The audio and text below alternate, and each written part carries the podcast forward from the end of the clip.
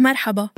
بالبداية بحب ألفت نظركم أو سمعكم بالأحرى أنه اليوم 30 سبتمبر بصادف يوم البودكاست العالمي. في شخص بالعالم قرر أنه بده يكرس يوم ليحتفل بالبودكاست. وأنا شخصيا مش زعلانة يعني. المهم بهيدي المناسبة السعيدة بتقدروا تسمعوا أجدد بودكاست من إنتاج صوت. لو بتحبوا البودكاست ومهتمين تتعرفوا كيف يصنع البودكاست اسمعوا بودكاست كواليس صوت. في جائزة للي بيربح كم كلمة بودكاست قلت بهالجملة. بتلاقوا الرابط بوصف الحلقة.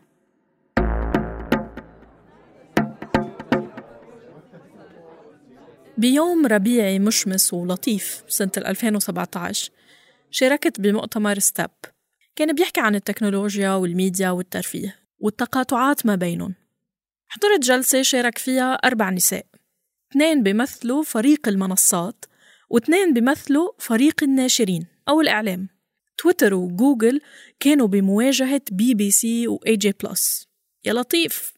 تحمست وما كان عندي توقعات مسبقة. بس النقاش كان حامي وتمحور حول مين من الفريقين بيملك المستهلك. للحقيقة بوقتها استغربت محاولة المحاور إنه يولع الجو.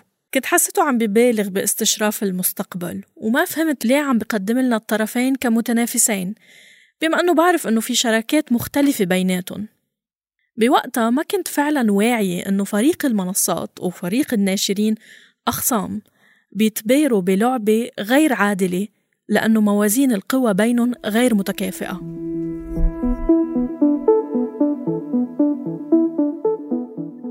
رح نحكي عن سلاح الخوارزميات اللي بتملكها المنصات التقنية واللي بيحاول الناشرين بعالم الإعلام ترويضها.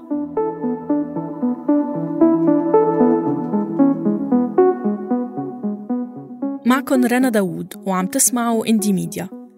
بودكاست بيوثق المشهد الإعلامي المستقل بمنطقتنا من خلال دردشات مع عاملين بالمجال.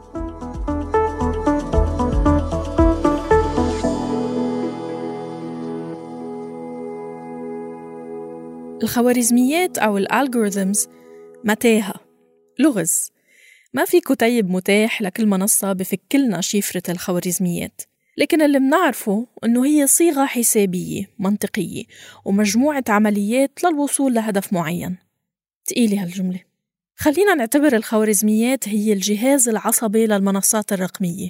تتلقى تعليمات من الدماغ أو مبرمجي المنصة بشكل آلي وبتوزع الرسائل للمستخدمين عبر أجهزتهم وبتتفاعل مع سلوكياتهم. هي مثلا بتحدد شو منشوف بال news feed على فيسبوك وأيمتى منشوفه.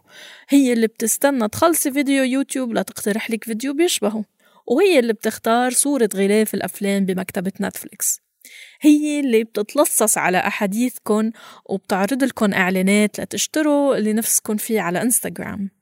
هي عارفة شو قرأت امبارح وعارفة المواد اللي بتنفري منها. بتعرفكن كتير منيح وهي نفسها غالبا بتعرف شو خطوتكن التالية قبل ما انتو تفكروا فيها. وكل ما زاد استخدامنا لهاي المنصات كل ما صارت الخوارزميات أذكى لأنها بتدرس سلوكياتنا بأدق تفاصيلها.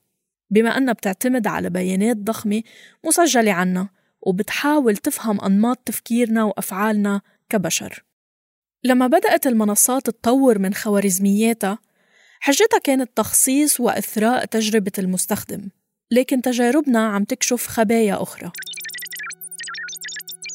رح تقولوا لي شو دخل المنصات الإعلامية بخوارزميات المنصات التقنية.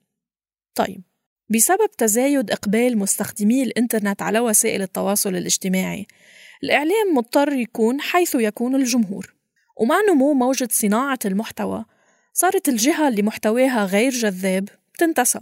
يعني حتى لو كانت المنصة مجلة إلكترونية ومقالاتها موجودة على موقع إلكتروني خاص فيها فهي بتستخدم السوشيال ميديا للتسويق لمحتواها ودعوة الجمهور لزيارة الموقع. يعني صارت وسائل التواصل جزء أساسي من استراتيجية المحتوى والوصول للجمهور. وهيدي المساحات اللي عم بتديرها الخوارزميات تخضع لشروط اللي بيملكوها. اللي هو لا أنا ولا أنتو ولا أي منصة إعلامية. عم نحكي عن عمالقة الشركات التقنية مثل جوجل وفيسبوك وأمازون وغيرها من المؤسسات اللي معظمها شركات أمريكية خاصة. المدير التنفيذي لمنظمة سماكس للحقوق الرقمية محمد نجم عنده وجهة نظر بهاي النقطة. بس طلع الإنترنت كان المقاربة تبعه إنه هذا المحل الحر اللي فينا نعمل فيه شو ما بدنا. هذا المحل يلي هو بعيد عن الأرض وهذا المحل لنحن كلنا نتفاعل ونحب بعضنا كمجتمع وهيك. يلي كان كتير مقاربة ليبريتاريان للموضوع وكتير مقاربة إنه هذا المكان كتير حلو وكتير لذيذ. بعدين اكتشفنا شوي شوي إنه هذا المكان قابل لإنه يصير راسمالي جدا وقابل إنه يسيطر عليه كل الشركات. فهلا نحن يعني حتى يعني كل يوم نحن بس نعمل أي شيء على الإنترنت. يعني هلا أنا وياكي مثلا حكينا على الإيميل عن طريق جوجل شركة جوجل. فتنا على كمان جوجل وبعدين فتنا على شو اسمها هيدي Zencastr. ما بعرف إذا open source ولا لا. فكل شيء نحن بنستعمله يعني فيسبوك واتساب فأغلب القصص اللي نحن بنستعملها بحياتنا على الإنترنت هي مثل private companies يعني كأنه واحد عايش بمول كل حياته. بيطلع من private place ل private shop فهيدي مشكلة أساسية لازم نحن نستوعب إنه هيدا الشيء موجود. بس كمان بدنا نجرب نفاوض هيدي الشركات وهيدي المؤسسات دائما لنحصل على حقوقنا وتكون سياساتهم عادلة على قدر الإمكان. فاذا المنصات التقنية شركات تجارية ربحية حتى لو التسجيل فيها مجاني فهي بتسير الخوارزميات لتوصل لهدفها اللي هو الربح المادي. عشان هيك بتسعى تكثف ساعات الاستخدام وتزيد نسب التفاعل على المنصات. عشان العلامات التجارية تتحمس تستثمر بمساحاتها الإعلانية على أساس إنه القاعدة الجماهيرية فيها كبيرة وناشطة. وكتار بيشوفوا بهالنقطة تسليع للمستخدمين واستغلال إلن مع أنه آخرين بيشوفوا إنها ضريبة بديهية كون المنصات مفتوحة مجانا للجميع.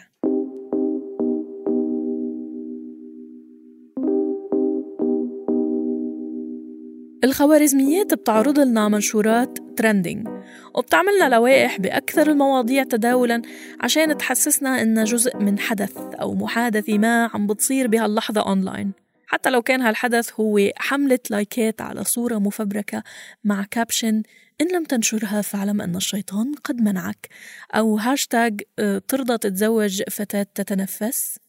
هيدا المنطق كمي.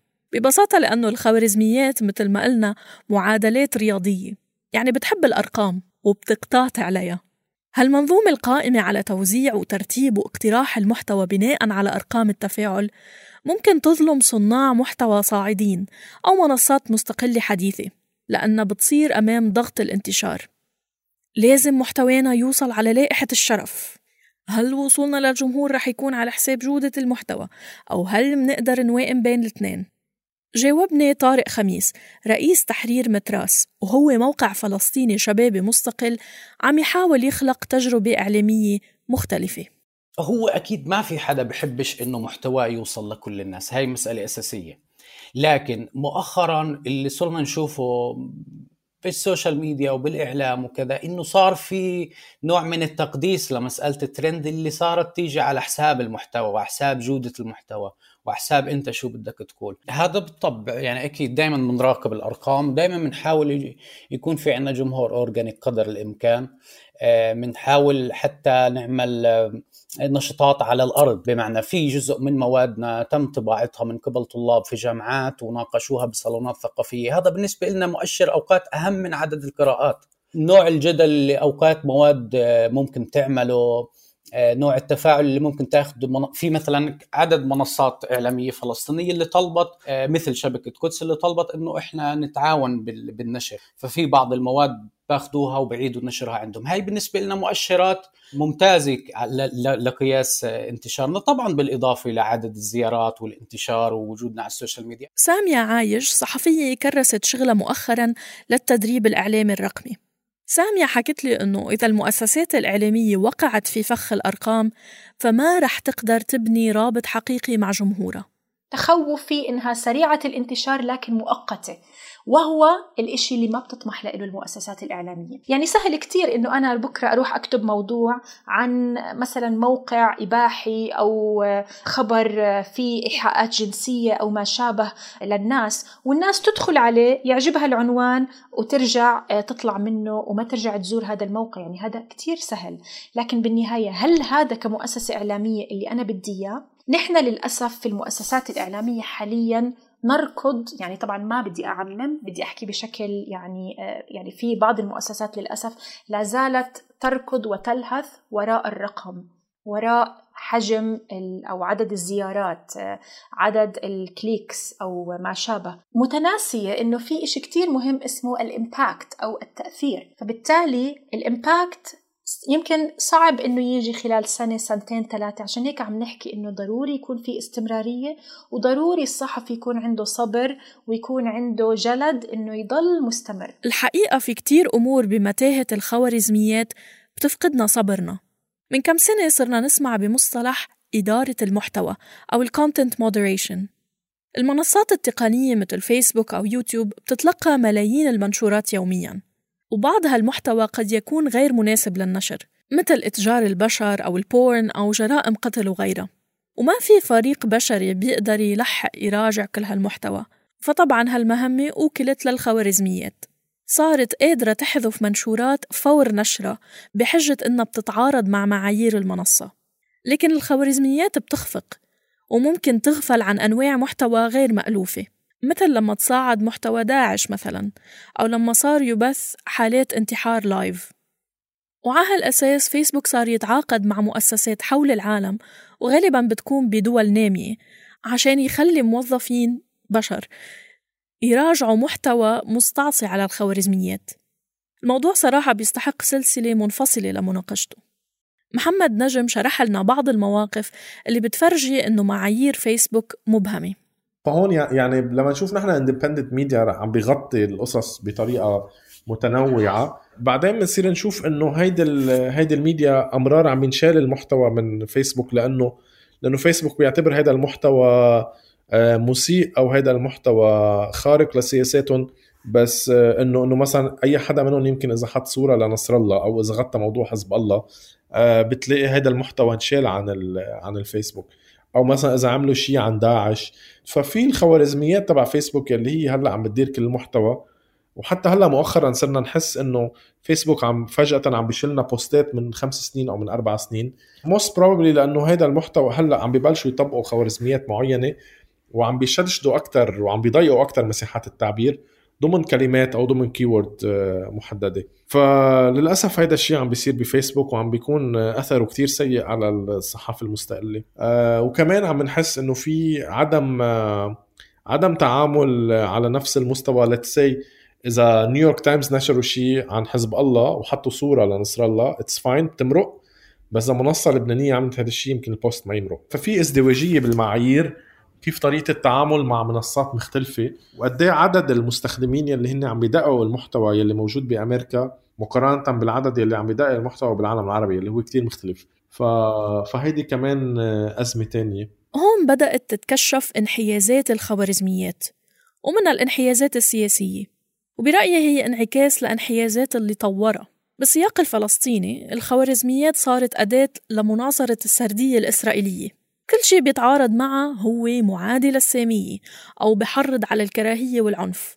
ما بتميز بين محتوى شخصي لمستخدم أو صفحات تابعة لطرف سياسي أو تربوي أو حقوقي أو حتى إعلامي.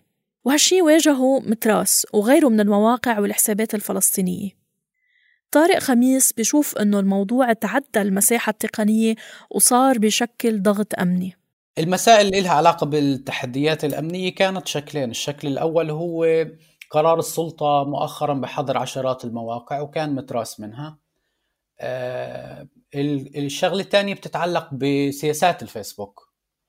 آه يعني انحذف تقريبا عندنا قريب من 30 آه منشور ناتج عن آه سياسات فيسبوك التعسفيه تجاه المحتوى الفلسطيني وهذا شمل كثير مواقع فلسطينية وسورية وغيره. والحذف الحذف كثير تعسفي وأوقات بيكون بيشتغل على الذاكرة الوطنية يعني أوقات بوستات تنحذف لأنه فيها كلمة شهيد آه، أو كلمة مقاومة أو أو اسم فصيل مقاوم آه، كلمة حماس مثلا آه، جبهة شعبية. يعني هو بيشتغل على على الكيورد وكأنه المطلوب من المحتوى الفلسطيني يكون تماما منزوع التسييس يعني. المستخدمين الفلسطينيين بيعملوا حملات مضادة لرفض سياسة فيسبوك. مرة مثلا نظموا حملة لخفض تقييم فيسبوك بمتجر التطبيقات. بس النزاعات بالمحتوى عالميا وبمختلف السياقات صارت أكثر من أن تحصى لدرجة أنه فيسبوك منتصف 2020 استحدث Oversight Board. ممكن نترجمها لمجلس رقابي أو إشرافي على المحتوى. فيسبوك روج له كمحكمة عليا مستقلة. تنظر وبتحسم بمسائل المحتوى الجدلي. هالمجلس بضم 20 شخص من النخبة من بينهم اليمنية توكل كرمان والإسرائيلية أمي بالمر المديرة العامة السابقة لوزارة القضاء الإسرائيلية. وهالشي طبعا أثار جدل كبير حول الانحيازات اللي متمسك فيسبوك فيها.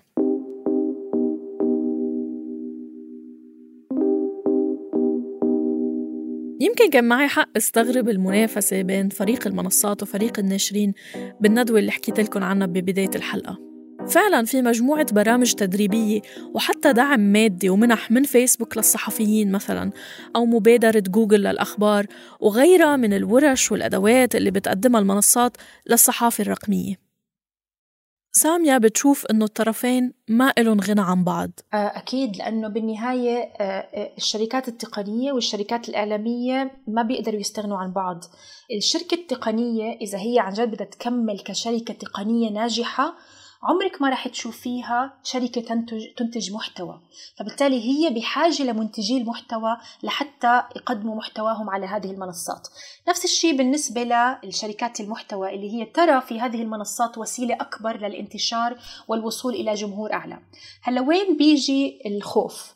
الخوف بيجي لما المؤسسات الإعلامية تشعر إنه هي حطت كل البيض تبعها بسلة واحدة اللي هي سلة المؤسسات التقنية. فبالتالي هي أصبحت يعني آه، آه، آه، خلينا نحكي أسيرة لأي تغيير على الخوارزميات أو على طريقة عمل المؤسسات التقنية عبر منصاتها. يعني أي تغيير بالألغوريثم ممكن يأثر على عرض هذا المحتوى وسرعة وصوله وانتشاره للجمهور. فبضل لازم أنه هدول المؤسسات يشتغلوا مع بعض ويفهموا بعض أنه نحن ما ما بنقدر نشتغل من دون بعض فبالتالي ضروري نفهم تحديات والمخاوف اللي موجودة عند الطرف الآخر حتى نقدر نوصل للجمهور بمحتوى آه، جيد محتوى صحيح ودقيق وبعيد عن الفبركة وبعيد عن أي نوع من السنسيشن أو الإثارة والخطأ وما شابه.